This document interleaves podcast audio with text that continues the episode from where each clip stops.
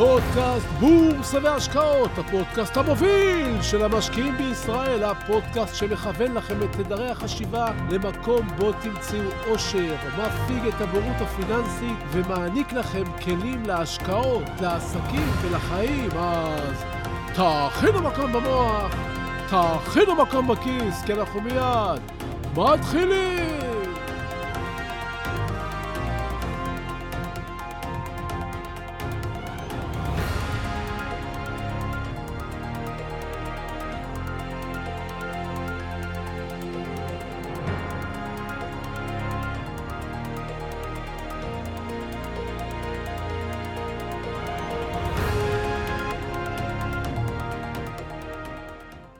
טוב, אתם הייתם נהנים מהתקופה הזאת. למרות התנאים הלא פשוטים, הייתם מוכנים עכשיו, ממש עכשיו, לעזוב הכל ולבוא. להניח לכל העיסוקים שלכם לקחת תיק קטן, מסננת, משקל אלקטרוני ולבוא. שמעו, זו הייתה תקופה אה, על מה אני מדבר, אתם שואלים, צודקים. נסחפתי קצת עם המחשבות. אני מדבר על שנת 1848, חודש ינואר בקולומה שבקליפורניה, הברית. זה היה בוקר קריר, וג'ימי, פועל בחווה של ג'ון סאטר, שהיה אדם עמיד באזור ההוא, יצא לנער שעבר ליד בית אדונו כדי לשטוף את הידיים ולקחת פסק זמן אחרי עבודה מאומצת. אולי סיגריה, קפה, ובעודו מתכופף ככה אל המים, מנצנצים במים הרדודים כמה גושי זהב קטנים שאיכשהו התמקמו בדיוק על קרן שמש ומשכו את תשומת ליבו של ג'ימי. ג'ימי התקרב ואסף את האבנים הזהובות. הוא מיהר אל הבית, אל ג'ון סאטר. סאטר לקח את האבנים ביד. זהב, זה נראה זהב. היכן מצאת אותם? הוא שאל, וג'ימי לקח את סאטר למקום בו התגלו עוד כמה נצנוצים במים. תרתום את הסוסים, אמר סאטר לג'ימי, בוא נראה אם מצאת זהב או פליז. אמר סאטר, שלף ממחטה והטמין את האוצר בתוך הממחטה ועמוק עמוק בכיסו. והם יצאו לעיר לבדוק אצל מומחה מקומי האם מה שהם חשבו זה באמת נכון. מומחה הזהב התבונן מתחת לזכוכית המגדלת, שפך איזה חומר מבקבוק אחד, הניח את הזהב על איזשהו מכשיר אחר, שם את הנוצצים על המשקל, ולבסוף הרים את הראש ואמר, וואו, זהב טהור, נקי, מאיפה? מהנהר, אמר ג'ימי, וקיבל מרפק לצלעות מסאטר. אחד המשפטים שאני הכי אוהב הוא כששניים יודעים סוד, זה כבר לא סוד, ובמקרה שלנו ידעו כבר שלושה. ג'ימי, סאטר והמומחה לזהב. מכאן לשם התחילו לדבר ביניהם כבר תושבי העיירה, ורבים מהם הלכו לחפש את מזלם לאורך הנהר, וחלקם אף מצאו לא מעט זהב. אם אתם הייתם חיים בתקופה ההיא, גם אתם הייתם עוזבים הכל, ניגשים לנהר, תופסים פינה לאורכו ואוספים גרגרים. ששווים יותר מכל מה שתוכלו להרוויח בכל חייכם. השמועה פשטה, ואחרי ארבעה חודשים כבר פורסמה מודעה בעיתון של קליפורניה שמזמינה את כולם לבוא לבקר בעמק השופע נוף, מים וזהב. הבום היה מהיר, הבהלה לזהב הייתה בעיצומה. סן פרנסיסקו הפכה מעיירה מנומנמת של 200 תושבים לכמעט 40 אלף תוך שנים אחרות. פי 200, ובסך הכל נהרו לאזור כולו כ-300 אלף איש שחיפשו ומצאו זהב על ידי סינון קרקעית הנחל בכלים רחבים. האינדיאנים באזור סולקו. קרוב ל-100 אלף מהם מתו, על מנת שלא יפריעו לחלום ההתעשרות האמריקאי שנחפר בקרקעית הנהר.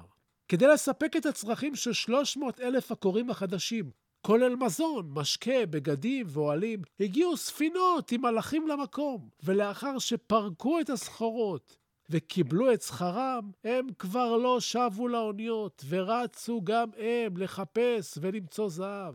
הספינות ננטשו והפכו לבתי מלון, מועדונים, בתי מרזח צפים, בקיצור, סדום ועמורה. ב-1858 הסתיים טרנד הבהלה לזהב בקליפורניה. רוב הזהב שניתן היה לגלות במקום כבר נמצא כנראה, וכמעט לא נמצאו מטילים בצורה קלה. בעודם אורזים את האוהלים, הציוד והכלים, שמעו מחפשי הזהב כי מישהו מצא זהב בקולורדו, וכולם נהרו לקולורדו. בדיוק כמו שכולם נוהרים היום, מהשקעה להשקעה, דרך המחשב והטלפון. רק שאז עשו את זה ברגל או רכובים על סוסים. בגדול, לא השתנה הרבה, לא? שלום וברוכים הבאים לפודקאסט בורסה והשקעות, הפודקאסט המוביל של המשקיעים בישראל, והיום נשוחח על החומר שממנו עשוי עושר, על מודלים ליצירת רווחים, השקעות ובכלל, וכמובן, עוד דברים מעוררי השתהות, אז תהיו ממוקדים, תכינו מקום במוח, תכינו מקום בכיס, כי אנחנו מיד ממשיכים! רב הזהב שהופק מהמוח האנושי מכל אוצרות הטבע ביחד. היום אנשים לא צריכים לרוץ ולסנן זהב בנהרות או להילחם באינדיאנים. ישנן שיטות אחרות, וכל מה שצריך זה להבין את העולמות החדשים שנוצרים לנו. העולם משתנה כל הזמן. פעם היינו חשופים למעט ידע ולמעט נתונים, והיינו קוראים זהב לפי הניסיון. תחושת הבטן, מזל. אם היית קורא זהב ותיק, כבר ידעת היכן למצוא, פחות או יותר, לאורך הנהר הפתלתל זהב, נכון? לפני מספר חודשים רצה בטלוויזיה פרסומת לאיש העסקים המבריק, רמי לוי, הבעלים של שיווק השקמה ושל עוד הרבה עסקים רציניים. בפרסומת הוא חוזר לשוק הסיטונאי בירושלים של פעם. ומספר שאימא שלו לא יכלה לקנות מהסיטונאים, והוא, שגדל ועבד שם, הבין שיש לזה פוטנציאל. ויחד עם חושיו אחדים, הקים אימפריה. זה לקח לו עשרות שנים בתנאים ההם. בעבר בעצם היו לנו מעט נתונים והרבה תשוקה. מי שהיה חרוץ ועבד עשרות שנים, בסופו של יום הגיע לתוצאות. חלקן טובות, חלקן מעולות, והיו גם בודדים שהקימו אימפריות. כלומר, מי שמצא זהב היה צריך לסנן הרבה חול, הרים של חול במשך שנים. אבל שימו לב מה קרה בשנים האחרונות. בשנים האחרונות העשירים הגדולים הם צעירים. הזהב נחרע במקום אחר. לא בקליפורניה, לא בקולורדו ולא בשוק הסיטונאי בירושלים. בואו נלך בגדול. מי החברות הגדולות בעולם היום? נכון, אתם יודעים כבר, אנחנו מדברים על זה הרבה. גוגל, פייסבוק, נטפליקס, אמזון, אפל, טסלה. מי החברות הצומחות היום? ספוטיפיי, וויקס, אסוס, עליבאבא, ואיך הם הפכו להיות כאלה גדולות ועשירות. פשוט, הן יודעות היכן לכרות את הזהב, והזהב היום נמצא בדאטה. לפייסבוק יש כמעט שני מיליארד משתמשים. לכל משתמש כמה מאות חברים, כאשר כל אחד מהחברים האלה מעלה כמה פוסטים בשבוע, נכון? כלומר, אם יש לי אלף חברים, הם מייצרים אלפי פוסטים בשבוע, ואפילו ביום. פייסבוק יודעת לקחת את כל הדאטה הזו, לנתח אותה, ולשים לי בפיד את מה שאני אוהב. פייסבוק יודעת מה אני אוהב. היא גם יודעת להציע לי פרסומים של שירותים ומוצרים שעשויים להתאים לי, ושאחרים רוצים למכור לי. פייסבוק חושפת אותי לדף שלי שאני אוהב, אולם שם, בדיוק באותו זמן, היא מטמינה לי פרסומות שעשויות לעניין אותי. ואיך? בעזרת הדאטה שהיא צוברת. סביר להניח שאני אכנס לפרסומת כזו, וגם אקנה. אם אתה מפרסם ואני קונה, אתה מוכן לשלם הרבה כסף עבור הפילוח המזוקק הזה.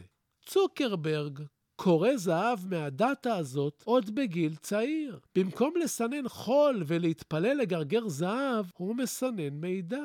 והוא יודע בדיוק היכן הזהב נמצא. רגע, רגע, מה עושים גוגל? הם יודעים מהדאטה הענקית שבידם אילו אתרים יהיו רלוונטיים עבורי ברגע שאני אחפש למשל. ספר בורסה לדוגמה. אגב, תעשו את החיפוש הזה ואתם תופתעו, או שלא. כיוון שגוגל מצליחה לנתח את הדאטה הזו בצורה כל כך מדויקת, מעל 90 אחוזים מהחיפוש של המידע בעולם נעשים בגוגל. גוגל יודעת מה אני מחפש, ולגזור מכך מה עשוי לעניין אותי, במה אני עשוי להתעניין, ולכן היא יכולה למכור פרסום בצורה ממוקדת, פרסום שעובד ומבוסס על הדאטה הכל כך נכונה. גם גוגל הופכת דאטה לזהב. ולא על גדות נהר הקולורדו. סירי של אפל או ספוטיפיי יודעות בדיוק להציע לי מוזיקה שאני אוהב, על סמך אותה דאטה שהן אוספות. הדאטה הזאת היא משאירה אותנו אצלן והופכת אותנו להיות לקוחות שקונים. הן מרוויחות זהב מהדאטה. כשאני ניגש לספוטיפיי, היא נותנת לי מה שאני אוהב. נטפליקס יודעת לתת לי, או לכל אחד מבני הבית, מה שהוא אוהב. ואנחנו נשארים שם. בזכות הדאטה אנחנו משלמים לנטפליקס, ולדיסני, ולספוטיפיי, כסף מדי חודש. כיף לנו שהם יודעים מה אנחנו אוהבים, בלי שנבקש בכלל. הכל דאטה. אמזון, דאטה. עליבאבא, דאטה. פייפל, דאטה. תחשבו על החברות שמציעות הלוואות ומרוויחות, ריביות, כרטיסי אשראי, בנקים, לכולם יש עלינו דאטה באיכות ובכמות גבוהה. נתונים היסטוריים ונתונים עדכניים. הם יודעים מה מוסר התשלומים שלנו, הם יודעים אם אנחנו בקשיים, הם יודעים מה אנחנו אוהבים לקנות, ואפילו מתי נהיה זקוקים להלוואה, ומתי הכי נכון לפנות אלינו. הדאטה הזאת היא גרגרי הזהב, וכולם כורים את גרגרי הזהב מסימני הדרך שאנחנו משאירים בכל מקום. אנחנו מייצרים חול דיגיטלי, והם מוצאים בו את הזהב. למעשה אנחנו די שקופים. כל אחד מאיתנו מייצר דאטה כל הזמן. עם הנייד, עם הרכב, עם המחשב, אבל זה לא הכל. אנחנו גם צפויים, גם קל לתמרן אותנו ככה שאנחנו בטוחים שאף אחד לא מכיר אותנו, אבל אנחנו שקופים. אתם יודעים מה? תראו משהו. דמיינו לרגע את עצמכם נכנסים לקניון שאתם מבלים בו בדרך כלל קניון הבית שלכם. זה שקרוב ונוח לכם, אוקיי? דמיינו את ההליכה שלכם. אתם נכנסים לקניון ודי מהר נצמדים לצד ימין, לשביל הימני. למה? המוח שלנו תמיד גורם לנו לפנות ימינה. אתם מגיעים מהרחוב במהירות מסוימת, ולוקח לכם זמן לנחות, כלומר, להאט את הקצב. וזו הסיבה שאתם בדרך כלל לא זוכרים את החנויות הראשונות בכניסה לקניון. אגב, אם תרצו לזכור פעם חנות בקניון, אף פעם אל תיקחו את החנות הראשונה או השנייה ליד הכניסה. רק אחרי שעברתם כמה חנויות, אתם מתחילים לשנות מוד, ללכת לאט יותר. להיות קשובים לחלונות הראווה. כל מי שיגיע לקניון תמיד יעשה סיבוב מלא בקומת הכניסה המובילה, ופחות יעלו למעלה, ועוד פחות יעשו את כל הסיבוב למעלה. ההבדל בין חנות בקומת הכניסה לקומה העליונה יכול להיות עצום מבחינה כלכלית, והכל הכל זה דאטה. אם יש לך דאטה, יש לך ידע. אם הצלחת לקחת חנות באמצע הקניון בקומת הכניסה, אתה יכול להתעשר. אם אין לך דאטה ולקחת חנות בקומה העליונה, בקצה, אתה יכול לפשוט רגל. דאטה. הכל נעשה מדויק ונקודתי. הפרסום בטלוויזיה ובעיתונות המודפסת מפנה מקום לאט-לאט לפרסום מבוסס דאטה. אם אני רוצה לפרסם קרם נגד קמטים לנשים, אני לא צריך לשלם מיליונים ולהופיע מעל המסך של ערוץ 2 בחדשות של יום שישי, כי אז אני משלם עבור שלושה מיליון צופים, שמתוכם רק 400 אלף צופות מבוגרות שרלוונטיות לי. את ה-400 אלף הללו אני יכול לצוד בעזרת דאטה ולשלם פחות. הרבה פחות. הרבה הרבה יותר פחות. מכרה של זהב ממש. דאטה. אצל משקיע בשוק ההון, הניסיון והידע הם דאטה. משקיע שמגיע לשוק ההון ונמצא בו כמה חודשים או שנה, הוא חסר דאטה. הוא מנסה לסנן קצת חול פה וקצת חול שם, אבל הנהר ארוך ומפותל, ולכן הסיכוי שלו למצוא זהב לאורך זמן נמוך. משקיע בשוק ההון חייב לאסוף מידע כל הזמן וללמוד דברים חדשים. לכן אתם פה, בין אם אתם חדשים או ותיקים, כדי ללמוד, וזה טוב, טוב מאוד אפילו. אז אחרי שהבנו שהכסף נמצא בדאטה, אני רוצה להוסיף לכם מושג חדש לדאטה שלכם כמשקיעים. משהו שכדאי שתיתנו עליו את הדעת, והוא מודל SAS. הפירוש של SAS הוא Software as a Service, כלומר התוכנה כשירות. חשוב מאוד שתבינו ותשימו לב לחברות האלה. הדוגמה הקלאסית היא חברת אדובי, שנסחרת גם בנסדק. בעבר החברה הייתה מוכרת תוכנה שכל משרד היה זקוק לה בכמה אלפי שקלים. היית קונה תוכנה למשרד שהייתה מוגנת והייתה משמשת אותך. ככל שפתחו יותר משרדים עם יותר משתמשים, החברה מכרה יותר מוצרים. מאחר והמוצר היה בבסיסו יקר, היו מתקינים את התוכנה רק במחשבים שהיו זקוקים להם. היו כאלה גם שניסו להעתיק תוכנות, לשכפל בצורה פיראטית, וזה היה כמו משחק של חתול ועכבר בין נציגי החוק למפריו. המודל עבד, אבל לאט-לאט גבה. הרווחים ירדו, ואז אדובי שינו כיוון. במקום למכור לך תוכנה ב-5,000 שקלים למשל, הם החלו לתת את התוכנה כשירות, תמורת כמה עשרות שקלים לחודש. מספר המשתמשים גדל, ההכנסות גדלו כל חודש. אם תלכו לראות את הגרף של המניה תחת הסימבול ADBE, תבינו על מה אני מדבר.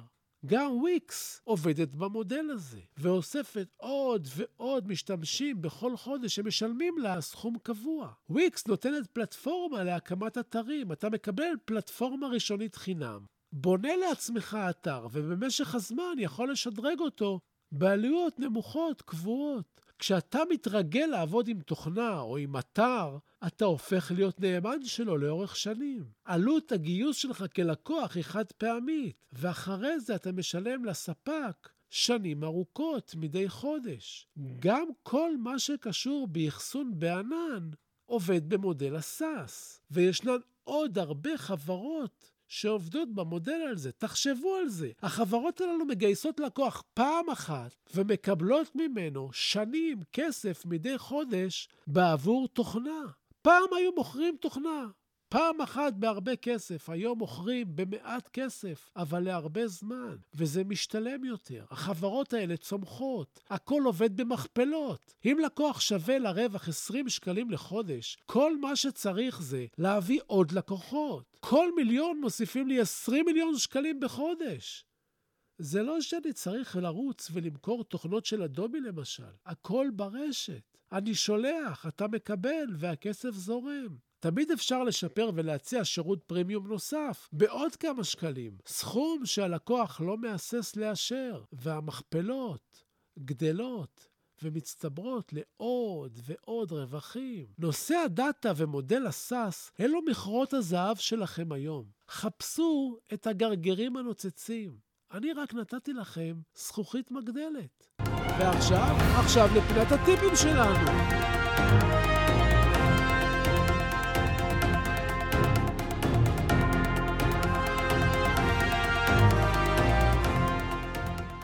משקיעים רבים קונים אותיות, הם לא קונים חברות, הם מחפשים סימבולים ורצים לקנות. לפעמים הם אפילו טועים באותיות וקונים נייר לגמרי אחר. האמת, זה לא באמת משנה. כי גם ככה הם לא יודעים מה הם קנו, מה זה עושה ומתי בכלל למכור. אני מפציר בכם, תבדקו מה אתם קונים. אני מבקש, למה הדבר דומה?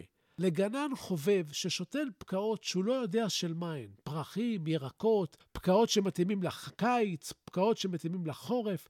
מה הסיכוי שהוא יצליח להפיק משהו מפקעות צבעוניים שישתול בקיץ במדבר למשל? סביר להניח שאחרי חודשיים הוא יעקור אותם וינסה משהו חדש, או יתייאש מהכישלון. אתם תמיד צריכים לדעת באיזו חברה אתם משקיעים, איזו פקעת אתם שותלים.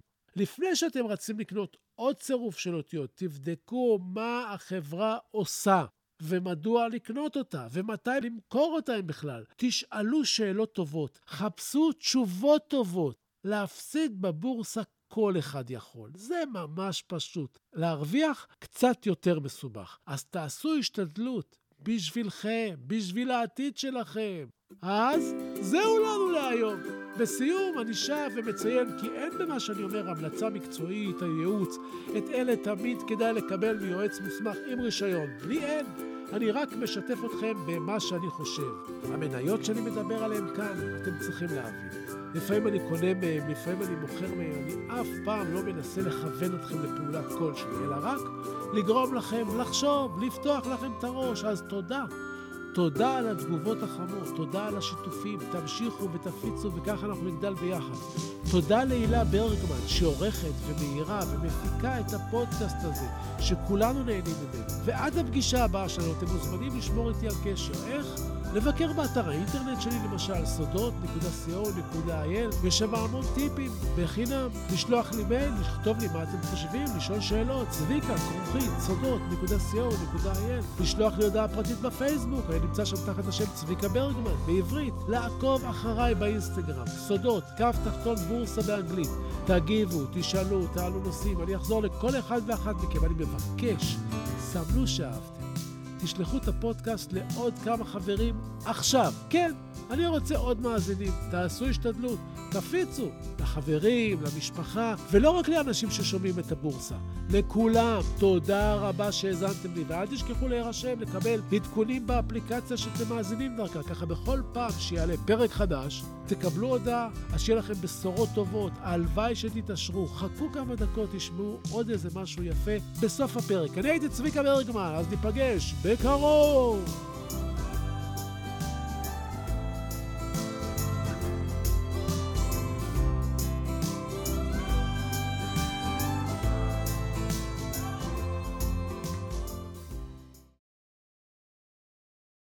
אם רודיארד קיפלינג אם תוכל לשמור על שקט וקור רוח, עת מסביב לך שוררת מבוכה.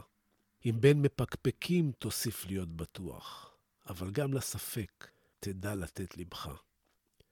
אם להמתין תוכל בלא להתייגע, אם ממרמה תרחק, עת היותך תסוב, אם בשנאה תוקף, ובה לא תנהגה, מבלי להיראות חכם מדי, או טוב. אם כל חלומותיך יהיו לעבד, אם מחשבות לך כאמצעי בלבד, אם ניצחון תפגוש, או מפלה נוקבת, ובשניהם, בני בלע, תנהג מנהג אחד. אם תוכל לסבול דברים אשר השמעת, בהיסלפם להיות מלכודת לבורים, אם את מפעל חייך תראה שוקע מטה, ושוב תחל לבנות אותו מן השברים, אם לאסוף תוכל את כל דברי הערך אשר לך, להרמה ולסגנם, להפסידם ולצעוד מראש הדרך, בלא להפטיר מילה על שאבד חינם. אם לבבך יוסיף לפעום ללא מנוח, וגם בכבוד העול, בעול יהי מושך. ולא יחדל עת אבד ממך כל הכוח, כל עוד רצונך קורא אליו. המשך. אם בין המונים תחזיק במידותיך, ובחצר מלכות תדע לנהוג פשטות. אם לא יאכלו לך אויביך או רעיך, אם כל אדם תוקיר כיאה וכיאות.